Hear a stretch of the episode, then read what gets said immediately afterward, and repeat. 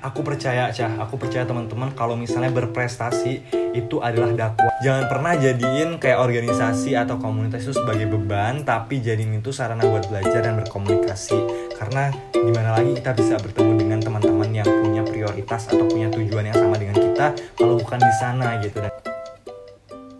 Assalamualaikum warahmatullahi wabarakatuh. Halo teman-teman pejuang pendidikan, selamat datang di Import podcastnya IPB Mengajar. Kalau di episode 1 kemarin kalian ditemenin sama Syakila, maka di episode 2 ini ada aku, Caca yang bakal nemenin kalian untuk beberapa menit ke depan. Nah, untuk tema kali ini, yaitu kami mengambil tem uh, mengambil judul podcast ini uh, manajemen waktu buat si ambis sekaligus aktivis. Nah, ngomong-ngomong soal uh, si ambis dan si aktivis ini nih, kita sebagai mahasiswa kan sering kali nih dijuluki sebagai uh, generasi milenial. Nah, dan masih penasaran nih apa sih sebenarnya peran yang bisa kita lakukan sebagai generasi milenial? Apa dengan menjadi mahasiswa ambis dan menjadi seorang aktivis ini kita sudah melakukan peran kita sebagai generasi milenial. Nah, uh, ngomong-ngomong soal generasi nih ya teman-teman, uh, podcast kali ini kita kedatangan tamu spesial. Kedat tamu spesialnya ini yaitu Kak Dimas yang merupakan seorang mahasiswa aktif dari Fateta dan uh, Kak Dimas ini merupakan uh, seorang mahasiswa aktif yang bisa yang bisa kita jadikan sebagai role model uh, untuk uh, supaya kita bisa menjadi mahasiswa yang aktif juga seperti Kak Dimas. Uh, boleh dong Kak Dimas sebelumnya uh, perkenalkan diri dulu uh, supaya sobat import yang ada di rumah atau yang ada di mana pun uh, bisa kenal dan Kak Dimas ini bisa uh, dikenal dan dikenang oleh banyak orang gitu Kak. Boleh Kak dipersilahkan untuk perkenalan dirinya? Oke, baik. Perjalanan ribuan mil selalu dimulai dari satu langkah kecil dan untuk itulah kita memulainya dari saat ini. Halo Caca dan teman-teman semua, kenalin nih, namaku Nur Wahid Dimas Saputro, akrab disapa dengan Dimas dan seneng banget rasanya bisa hadir di podcast dari IPB Mengajar ini yang tentunya beberapa saat ke depan kita bakal ngobrol-ngobrol, diskusi terkait dengan hal-hal yang mungkin bakalan relate banget sama kehidupan kita sehari-hari. Nah, aku berasal dari Departemen Teknik Sipil dan Lingkungan Angkatan 57, aku berasal dari daerah Lampung Lampung dan saat ini lagi stay di Bogor. Nah untuk teman-teman yang pingin lebih tahu lagi nih, mumpung di awal, uh, boleh banget follow Instagramku di @wah underscore Ih, keren banget ya. Uh, semoga teman-teman ini bisa uh, kenal sama Kak Dimas ini. Ingat ya namanya ini Kak Dimas dan Instagramnya bisa di follow langsung untuk uh, di follow up apa aja sih kegiatan yang Kak Dimas ini lakuin. Nah, um, menyambung pertanyaan yang tadi terkait generasi milenial nih Kak boleh dong Kak disampaikan uh, pendapatnya, pendapat Kak Dimas sendiri terkait generasi milenial dan apa sih peran yang bisa kita lakukan uh, untuk menjadi generasi milenial itu? Oke baik, ini pertanyaannya menarik banget, tapi aku nggak mau bahas nggak mau bahas terkait dengan generasi milenial itu secara deskriptif banget itu kan, yang ada di buku atau yang ada di Wikipedia segala macam macam tapi aku lebih pingin ngasih uh, pandangan aku terkait generasi milenial itu tuh sebenarnya perannya apa aja gitu yang bisa dilakuin gitu. Nah jadi yang udah teman-teman ketahui gitu kan generasi milenial itu udah bukan lagi generasi generasi yang uh, terdahulu gitu atau generasi yang udah beda lah istilahnya lah kenapa karena di generasi milenial ini kita tuh udah in touch gitu. Udah tersentuh dengan yang namanya teknologi. Which is kalau misalnya kita mau ngelakuin berbagai macam hal itu bakalan lebih terkatalisator. Lebih dipercepat dengan bantuan teknologi itu tadi gitu. Misal kita mau berdampak kita mau ngelakuin segala sesuatu di daerah Sulawesi. Sementara kita nih ada di Bogor nih itu tetap bisa dilakukan dengan apa? Dengan bantuan teknologi. Makanya kita sebagai generasi milenial nih harus benar-benar bisa memanfaatkan momentum ini dengan menggunakan teknologi dan segala macamnya, relasi jejaring yang udah ada nih untuk berbuat atau berdampak lebih banyak lagi gitu. Nah, mungkin untuk secara spesifiknya kita bakalan gali-gali lagi di pertanyaan selanjutnya. Gitu, Cah. Oke, keren banget ya. Jadi kita sebagai generasi milenial ini bisa memanfaatkan teknologi nih untuk memainkan peran kita. Oke, uh, kembali lagi sesuai dengan tema kita kali ini yaitu manajemen waktu buat si ambis sekaligus aktivis. Mungkin teman-teman ini udah udah nebak dan udah ngira pastinya kalau Kak Dimas ini merupakan mahasiswa yang ambis dan juga merupakan mahasiswa uh, seorang seorang aktivis. Nah, aku sendiri penasaran nih Kak. Uh, sebenarnya uh, apa sih yang membuat kakak ini bisa menjadi seorang mahasiswa ambis nih? Apa kakak ini emang senang belajar dan hobi kejar nilai gitu Kak? Boleh dong kak. Eh, Oke ini sebenarnya ini sebenarnya lucu banget ya pertanyaannya kayak uh, sebenarnya agak gim agak apa ya agak nggak mau banget juga dibilang ambis gitu kan. Tapi kalau misalnya ambis itu tujuan yang baik ya udah it's okay gitu kan. Nah jadi aku tuh orangnya tuh punya rasa ingin tahu yang tinggi banget ya. Punya rasa ingin tahu yang tinggi banget dan rata-rata menurut aku teman-teman juga pasti punya rasa ingin tahu yang tinggi gitu. Cuman tergantung eksekusi dari masing-masing individunya itu seperti apa Nah, uh, di sisi lain selain aku punya rasa ingin tahu yang tinggi tuh, aku tuh juga punya uh, rasa akademik atau rasa untuk tanggung jawab terhadap akademik juga yang tinggi gitu. Artinya ketika aku mencari hal-hal yang baru di luar sana, aku tetap bakal memprioritaskan, tetap bakal ngebalancing dengan akademikku gitu. Jadi biar seimbang antara yang non akademik maupun yang non akademik gitu kan. Nah, aku kasih contoh deh. Nih, contohnya di non akademik ya, yang di luar akademik itu aku seneng banget uh, tertarik dengan isu-isu sosial gitu. Aku seneng banget uh, untuk tahu atau untuk berdampak kepada orang-orang yang ada di sekitarku. Karena aku punya moto nih ya, yang bunyinya tuh I want to live this world better than when I came. Yang artinya aku pingin banget uh, untuk ninggalin dunia ini lebih baik dibandingkan ketika aku lahir. Artinya ada beberapa perubahan gitulah yang bisa aku kasih walaupun kecil banget. Nah itu aku seneng banget untuk bergerak di bidang sosial. Mulai dari anak-anak, uh, aku juga udah apa namanya udah gabung di forum anak gitu dari sekolah menengah kemarin gitu kan. Terus habis itu aku bergerak juga di bidang uh, remaja gitu kan remaja untuk me, apa namanya merencanakan masa depan yang lebih baik lagi di genre gitu kan dan alhamdulillah jadi duta genre di provinsi Lampung juara satu kemarin dan di kabupaten juga. Dan insya Allah ya insya Allah kalau nggak ada halangan nanti ke nasional gitu. Amin. Nah terus di sisi lain nih uh, aku di apa namanya di uh, Fateta di Teknik Sipil dan Lingkungan alhamdulillah jadi mahasiswa berprestasi gitu. Di di apa namanya di baik di departemen maupun di Fateta aku jadi mahasiswa berprestasi.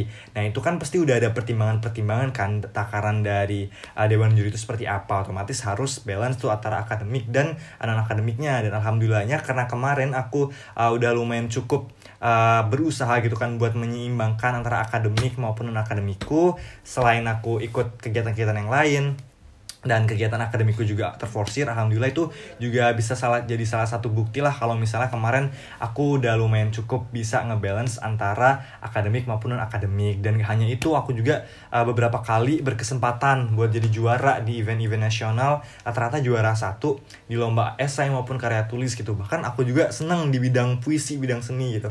Karena itu tadi aku orangnya rasa ingin tahunya tinggi banget gitu Oke, jadi berawal dari rasa keingintahuan yang tinggi ya kak. Dan juga sekarang Yap, benar. udah ngerti nih kenapa Kak Dimas ini dijuluki sebagai seorang aktivis. Jadi Kak Dimas ini seneng banget terjun di uh, sosialnya ya Kak. Jadi Kak Iya. gabung ke forum-forum sosial gitu. Nah, aku kira tuh sebelumnya karena kakak ini sering ikut demo gitu, jadi disebut sebagai seorang aktivis gitu. Bukan ya Kak? Nah, tadi eh, Kak Dimas sendiri bilang kalau kakak ini merupakan duta dari genre ya. Kalau boleh tahu nih Kak, Iya. kalau dijelasin genre itu apa dan ceritain dong Kak pengalamannya. eh, apa ya, supaya teman-teman di rumah ini bisa tertarik juga gitu Kak untuk eh, memulai perjalanannya seperti kakak ini gitu. Oke, nah jadi genre ini kalau misalnya diibaratkan ya itu tuh kurang lebih sama lah value-nya, tujuannya sama IPB mengajar gitu. Pengen memberdayakan masyarakat, pengen memberdayakan pemuda-pemuda gitu kan yang ada di Indonesia untuk lebih better lagi. Nah, cuman khusus dari si genre ininya sendiri adalah menyasar kalangan-kalangan remaja usia 10 sampai 25 tahun gitu. Agar mereka uh, punya pendidikan yang lebih terencana, terus habis itu mereka memiliki uh, perencanaan yang matang dalam pekerjaan bahkan sampai menikah nanti. Nah, itu kita lakukan dengan menyebarkan kampanye-kampanye, sosialisasi baik melalui media sosial dan segala macamnya gitu. Itu genre di bawah oleh BKKBN. Nah, uh, di genre ini kenapa aku bisa bilang kayak seru banget karena di genre itu kita bener-bener nyasar uh, orang-orang yang seusia kita gitu. Artinya yang kita bener-bener paham juga terkait dengan gimana aktivitasnya gimana uh, emosinya gimana perasaannya gitu. Kita paham kan terkait dengan hal itu. Dan itu menurut aku seru banget. Kita bisa sama-sama belajar bareng antara satu sama lain. Nah untuk lebih mengkatalis lagi mempercepat lagi persebaran dari hal-hal positif yang mau disampaikan oleh genre ini ada yang namanya duta genre. Waktu itu aku ikut tuh di pemilihan duta genre Kabupaten Pringsewu tahun 2021 satu dan alhamdulillahnya uh, long story short gitu kan uh, perjuangan yang panjang juga dapat juara pertama. Terus abis itu aku ngelakuin berbagai progja-progja tuh di kabupatenku berbau dengan masyarakat pendidikan gitu kan akan sampai yang kadang uh, pulangnya malam segala macem gitu kan aku berangkat ke tingkat yang provinsi. Tingkat provinsi juga sama. Ada ada banyak banget challenge challenge nya tantangan tantangannya yang kita harus uh, bikin webinar yang kita harus bikin uh, kegiatan-kegiatan sosial gitu kan. Uh, entah itu mengajar atau hal-hal yang berbau dengan lingkungan juga ada gitu. Itu bener-bener disatuin di tengah pandemi yang bener-bener kayak kita terbatas tapi harus optimal gitu. Dan di sana juga alhamdulillah jadi juara pertama dan insya Allah nanti berkesempatan nih buat lanjut ke duta genre nasional tapi doain aja semoga bisa untuk lebih uh, terlaksana dan menyebarkan virus-virus positif lebih jauh lagi gitu. Amin. Keren banget nih Kak Dimas. Nah teman-teman bisa dicontoh ya uh, sosok Kak Dimas ini emang benar-benar memotivasi. Nah tapi apa sih ya Kak yang melatar belakang Kak Dimas ini uh, untuk bisa sejauh ini gitu Kak. Sedangkan uh, remaja di usia kita ini tuh pasti kebanyakannya tuh pikirannya nongkrong gitu kan healing gitu kan sedangkan Kak Dimas ini tuh udah banyak banget kegiatan positif yang diikutin gitu apa sih yang membedakan Kak Dimas ini dengan remaja-remaja lain gitu? Oke, selain moto hidup yang tadi aku udah bilangin, aku percaya, Cah, aku percaya teman-teman kalau misalnya berprestasi itu adalah dakwah gitu. Nah, berprestasi itu bukan hanya kita dapet juara, bukan hanya kita menang suatu lomba, tapi dengan kita bergerak, dengan kita memberikan dampak atau bisa dibilang aktivis lah. Itu juga merupakan salah satu cara kita untuk berdakwah, salah satu cara kita untuk berprestasi gitu. Artinya, ketika kita nih nge-share terkait dengan uh, mungkin kita habis menang lomba atau kita mungkin habis melaksanakan kegiatan project di mana gitu kan kita share di media sosial kita gitu. Meskipun uh, kita nggak tahu siapa aja yang bakal ngeliat terkait dengan postingan tersebut tapi intinya niatnya adalah kita tuh mau membagi gitu kita tuh mau sharing kepada teman-teman yang lain supaya mereka itu paling nggak termotivasi atau paling nggak tuh uh, terbuka gambarannya setelah melihat kegiatan uh, kegiatan-kegiatan yang udah dipost tadi. Kayak misal uh, sebatas wah ternyata ada ya orang-orang yang udah ngelakuin hal-hal baik gitu. Oh sekarang berarti giliranku nih buat ngelakuin hal baik gitu. Entah entah itu mau, mau dilakuin kapan ya? Mau sekarang nanti atau besok gitu. Yang penting kita tuh udah mulai memicu udah mulai memantik teman-teman yang lain untuk melakukan hal-hal yang positif yang baik juga gitu. Nah jadi mungkin dari hal-hal inilah yang mendasari aku buat terus terusan ber apa namanya bergerak gitu kan berprogres berproses karena ya kita sebagai manusia diciptain di dunia ini buat apalagi kalau bukan buat bermanfaat gitu sesuai dengan apa yang uh, kita uh, passion atau bidangnya masing-masing gitu ya Oke, jadi pesan ini tuh ini tuh berprestasi untuk berdakwah ya. Uh, nah, dari kegiatan-kegiatan yep, benar. kegiatan yang Kak Dimas sebutin tadi ini kan banyak banget nih kegiatan yang udah Kak Dimas ikutin. Nah, uh, kan pasti Kak Dimas ini punya tanggung jawab dan beban yang berat gitu kan. Nah, aku sendiri penasaran, apa ada nggak sih kendala-kendala yang cukup berat juga, tapi akhirnya Kak Dimas ini tuh berhasil mengatasi kendala tersebut gitu. Nah, bagaimana sih Kak cara mengatasi kendala tersebut? Oke okay, baik. Nah uh, aku mau ngasih spillan dulu ya mungkin ya buat motivasi juga ke teman-teman mungkin ya dan biar kebayang uh, ada di posisiku itu tuh seperti apa gitu kan. Jadi teman-teman aku ikut di 10 organisasi, 10 komunitas organisasi gitu dan uh, di sisi lain aku juga lagi ngejalanin lebih dari 10 project di saat yang bersamaan. Dan bayangin betapa uh, padat, betapa ketar-ketir yang gak ketar-ketir juga sih. Pokoknya betapa padatnya kegiatan dan jadwalku bahkan bisa dibilang kayak uh, aku tuh jarang banget ada waktu buat istirahat bahkan si tidur aja itu udah syukur-syukur ya teman-teman ya. Nah tapi uh, di sisi lain aku juga tetap punya waktu kok buat untuk uh, apa namanya refreshing untuk ngelakuin hal yang aku suka atau meningkatkan hobi aku uh, di waktu-waktu tertentu. Nah mungkin teman-teman penasaran ya gimana caranya aku bisa ngehandle semua itu, gimana caranya aku bisa untuk memanage tanggung jawab itu dengan baik sejauh ini gitu. Nah jadi teman-teman aku uh, dari SMA dari SMP gitu mungkin ya, aku udah nerapin banget yang namanya skala prioritas gitu. Artinya bener-bener udah ngelis terkait dengan kegiatan-kegiatan apa tanggung jawab tanggung jawab apa aja yang ada di prioritas urutannya itu seperti apa gitu. Nah aku biasanya membagi itu ke dalam empat kuadran gitu kan. Ada yang uh, penting tidak penting itu ada yang penting dan penting mendesak habis itu penting dan tidak mendesak tidak mendesak tapi penting sama tidak mendesak dan tidak penting gitu.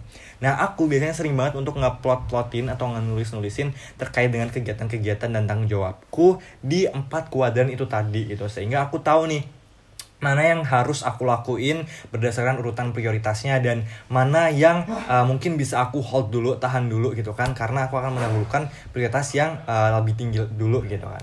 Nah selain itu aku juga apa namanya rajin banget buat nulis entah itu bikin alarm atau bikin Google Calendar gitu kan terkait dengan jadwal-jadwalku itu tadi. Sehingga nih kalau misal aku udah ada atau mau beralih ke agenda yang lainnya aku tuh nggak keasikan di agenda yang sekarang lagi aku lakuin gitu. Jadi biar lebih optimal lah. Karena kadang kalau misalnya udah keasikan di satu agenda lupa gitu sama agenda yang lainnya lupa sama jadwal yang lainnya. Makanya penting banget kalau bagi aku ya ada yang namanya alarm ada yang namanya pengingat gitu. Karena ya itu tadi biar lebih uh, uh, terefisien aja terkait dengan apa namanya uh, jadwal-jadwal dan job listnya dan biasanya selain Google Calendar aku juga uh, sering pakai Notion. Itu menurut aku sangat amat membantu banget gitu kan. Karena di Notion itu banyak banget template uh, banyak banget hal-hal yang bisa diakses gitu kan. Dan itu ngebantu kita banget buat ngelaksanainnya. Dan tentunya jangan pernah jadiin kayak organisasi atau komunitas itu sebagai beban tapi jadiin itu sarana buat belajar dan berkomunikasi. Karena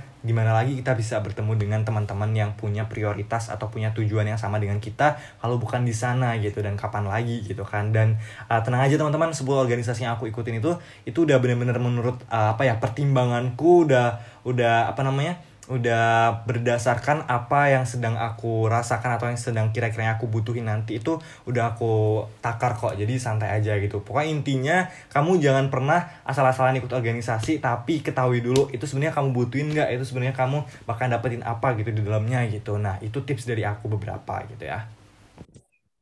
Keren banget nih Kak Dimas. Ini banyak banget kegiatan-kegiatannya. Ini untuk teman-teman yang baru ikut satu organisasi tapi udah ngeluh boleh nih dicontoh Kak Dimas yang ikut banyak organisasi tapi uh, nggak ngeluh sama sekali gitu kan ya. Nah, uh, tapi Kak, ada nggak sih tips and triknya buat uh, teman-teman yang mau yang mau memulai uh, perjalanannya seperti kakak ini biar bisa ikut 10 organisasi gitu kak uh, apa sih uh, basicnya sendiri versi kak Dimas gitu kak Oke baik. Makasih banget ya. Gimana caranya buat memulai? Nah pertama nih uh, teman-teman harus ketahui dulu why Atau mengapa gitu. Mengapa teman-teman harus memulai Atau harus melangkah uh, keluar dari zona nyaman teman-teman gitu. Teman-teman harus tahu Entah itu motivasi lah Entah itu ada sesuatu yang ingin teman-teman capai Atau teman-teman ingin dapat manfaat. Pokoknya cari tahu dulu Tulis itu write it down gitu. Ditulis bener-bener uh, di apa namanya di buku kayak atau di catatan yang lainnya biar teman-teman kebayang terkait dengan uh, apa yang bakal jadi goals atau apa yang mendasari teman-teman untuk uh, berjalan gitu untuk melakukan perjalanan panjang ini gitu. Nah yang kedua teman-teman coba cari uh, organisasi yang sesuai dengan passion komunitas yang sesuai dengan passion gitu kan. Gak mungkin kita nggak suka ayam tiba-tiba kita makan ayam nah coba untuk teman-teman uh, cari atau dalamin organisasi-organisasi yang sekiranya tuh relate gitu sama apa yang teman-teman butuhin sama apa apa sama apa yang teman-teman uh, senengin gitu kan. Supaya itu tadi kalau misalnya kita melakukan segala sesuatunya dengan cara yang paling menyenangkan itu akan membuat kita jadi mindfulness dalam mengerjakannya gitu. Nah yang ketiga coba nih teman-teman uh, cari tahu juga terkait dengan lingkungan atau budaya dari organisasi itu tuh seperti apa gitu. Apakah uh, itu bakalan ngebuat teman-teman jenuh atau apakah itu bakalan ngebuat teman-teman tertekan atau segala macamnya nah itu coba dicari ya. Itu karena penting banget untuk tahu culture dari suatu organisasi gitu kan. Nah uh, yang selanjutnya adalah jangan terlalu uh, memikirkan terkait dengan kuantitas tapi fokus saja sama kualitas gitu kita nggak bakal kan ikut uh, 10 organisasi yang ngebuat kita justru itu ketar ketir dibandingkan dengan kita uh, bisa untuk ikut satu organisasi aja tapi itu kita bisa mindfulness kita bisa dapat banyak banget pengalaman atau pembelajaran. Pasti teman-teman pada milih yang kualitasnya baik gitu. Nah jadi aku juga sama tipsnya seperti itu gitu. Jadi coba cari organisasi-organisasi yang kualitasnya tuh baik aja dan nggak usah peduliin kuantitasnya itu berapa. Dan uh, terkait dengan banyak sedikitnya organisasi yang teman-teman akan ikuti nanti itu kembali ke teman-teman sendiri. It's okay teman-teman mau ikut berapapun asalkan teman-teman bisa untuk menghandle itu, uh, bisa untuk bertanggung jawab terkait dengan hal itu dan teman-teman harus garis bawahi juga bahwa ini semua bukan tentang kompetisi. Ini semua bukan tentang perlombaan antara satu sama lain tapi teman-teman hanya fokus aja ke dirinya masing-masing karena tujuan kita, tujuan uh, teman kita, tujuan dari sahabat-sahabat kita sama kita itu jauh berbeda dan nggak usah uh, mikirin terkait dengan perkataan mereka. Mungkin itu beberapa tips dari aku untuk mem mulai nih teman-teman. Oke, tadi Kak Dimas ini menyinggung soal passion ya Kak. Nah, tapi ada nggak ada ada beberapa uh, mungkin dari aku sendiri nih Kak untuk memulai sesuatu ini tuh uh, kayak ada rasa takut dan kadang aku sendiri nggak tahu passion aku ini tuh ada di mana gitu Kak. Nah, bagaimana gitu cara menentukan kita tahu bahwa passion kita ini tuh ada di situ, ada di situ gitu Kak. Itu bagaimana Kak? Oke baik, nah aku dulu pernah ikut yang namanya Skill Academy gitu kan Dan itu salah satu mentornya itu ada Iman Yusman gitu. Dan beliau bilang untuk menemukan passion dari diri kita Agar itu lebih spesifik atau bagaimana gitu kan Caranya itu gampang banget. Coba teman-teman tulis terkait dengan kesukaan dari teman-teman sendiri. Entah itu sukanya terkait dengan hal ini, terkait dengan hal itu, hal ini, hal itu, hal itu. Tulis semua sebanyak-banyaknya Terus habis itu uh, ditulis juga terkait dengan pengalaman atau prestasi teman-teman juga itu sejauh apa atau sejauh ini tuh apa aja gitu. Tulis, tulis, tulis, tulis semua. Kalau misalnya itu udah ditulis nih yang bagian pengalamannya, entah itu organisasi, prestasi dan apa pun itu dikelompokin berdasarkan uh, bidang-bidangnya. Kayak misal ini tuh di bidang menulis, ini tuh di bidang uh, public speaking, ini tuh di bidang debate gitu kan. Coba untuk dikelompokkan terkait dengan Nah, klasifikasinya menurut teman-teman itu gimana? Nah, di sisi lain teman-teman juga butuh ini terkait dengan teman-teman tuh nggak sukanya tuh di bagian apa sih? Coba itu ditulisin. Aku tidak suka apa, tidak suka apa, tidak suka apa, tidak suka apa. Tulis itu yang banyak. Jangan mau kalah sama yang tadi eh, kesukaan gitu kan. Nah, terus kalau misalnya udah nulis semua ini gimana kak gitu kan? Nah, coba sekarang dilihat teman-teman. Kira-kira teman-teman tuh lebih condong atau lebih uh, banyak ngelakuin pengalamannya itu di bidang apa? Terus kesukaannya tuh kebanyakan tuh, tuh di bidang apa gitu? Nanti bakalan ketemu pasti. Entah teman-teman uh, suka menulis, terus habis itu didukung, dengan pengalaman yang banyak di bidang menulis lah. Terus habis itu didukung dengan kekurangan yang ini, yang ini, yang ini. Pasti bakalan ketemu terkait dengan passion dari teman-teman itu tuh seperti apa gitu. Nah, terus uh, masih takut nih buat memulai. Gimana gitu kan. Nah, Ca dan teman-teman jangan pernah berpikiran bahwa kita tuh bakalan gagal di awal, jangan pernah kepikiran kita tuh bakal kesakitan atau mati di awal. Karena justru itu yang ngebuat kita, ngebuat kita lebih lebih lebih lebih lebih lebih sengsara uh, di satu tingkat di atas yang namanya kegagalan gitu. Artinya kita belum bertanding tapi kok udah udah nyerah duluan gitu kan. Itu udah level up, udah next level dari yang namanya kegagalan sih kalau menurut aku kan. Nah, jadi teman-teman uh, coba aja dulu, dimulai aja dulu sesuai dengan quotes yang tadi aku bilang di awal. Perjalanan ribuan mil tuh dimulai dari satu langkah kecil. Dan ketika kita tidak memulai satu langkah itu, kita nggak bakal tahu terkait dengan progres kita itu ke depannya seperti apa. Siapa tahu teman-teman kita di organisasi kita yang bakal kita joinin itu, itu tuh uh, justru yang akan menjadi sahabat terbaik kita gitu seumur hidup gitu kan itu kan nggak ada yang tahu juga atau mungkin itu akan menjadi batu loncatan kita tuh buat uh, nemuin pekerjaan impian kita jadi dicoba aja gitu kan kita sama-sama belajar baik aku Caca dan teman-teman gitu Oke, jadi yang tadi itu intinya uh, kenali diri sendiri ya kak dengan menulis kesukaan kita dan prestasi-prestasi kita. Lalu uh, coba aja dulu uh, gagal dan lain-lainnya itu urusan nanti gitu ya kak daripada tidak sama sekali kan.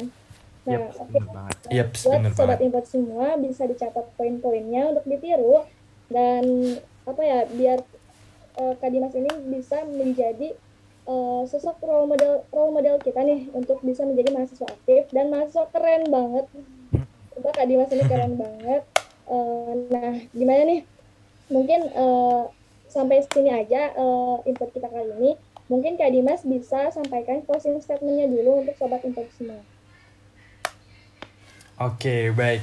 Uh, terima kasih banyak untuk kesempatannya ya Caca dan teman-teman semua. Aku nggak mau terlalu bilang banyak-banyak hal, tapi aku mau bilang lakukanlah segala sesuatu yang akan teman-teman ambil atau lakukan dengan cara yang paling menyenangkan. Karena ketika kita melakukan segala sesuatu itu tuh dengan cara yang paling menyenangkan, dengan cara yang kita sukai, kita akan lebih enjoy untuk menjalaninya. Gak usah yang terlalu terfokus dengan orang lain, gak usah terlalu fokus dengan yang namanya nilai, tapi fokus aja sama sama apa yang akan kita dapat, sama apa yang akan kita berikan kepada orang lain. Karena percaya atau tidak, sesuatu yang akan kita lakukan sekarang itu pasti akan ada dampaknya dan itu pasti akan membawa keberkahan bagi teman-teman semua, walaupun nggak sekarang, tapi nanti pasti di masa mendatang. Oke, jadi yang kita lakukan pasti akan ada hasilnya. Oke, nah sobat import semua, eh, nggak kerasa nih udah beberapa menit kita nemenin kalian. Makasih banyak yang udah mantengin podcast ini dari awal hingga akhirnya acara. Terima kasih banyak untuk Kak Dimas yang udah meluangkan waktunya di tengah kesibukannya yang pastinya sibuk banget. Eh, aku mohon maaf bila ada kesalahan yang sama sekali tidak aku sadari. Eh, sekali lagi aku ucapkan terima kasih. Selamat datang, eh selamat datang sekali lagi aku ucapkan terima kasih. Uh, sampai jumpa di import selanjutnya. Assalamualaikum warahmatullahi wabarakatuh. Waalaikumsalam warahmatullahi wabarakatuh. See you guys. Oke, mantap banget. Adis bisa stop dulu. Keren, Caca. Kak, aku beneran penasaran kok bisa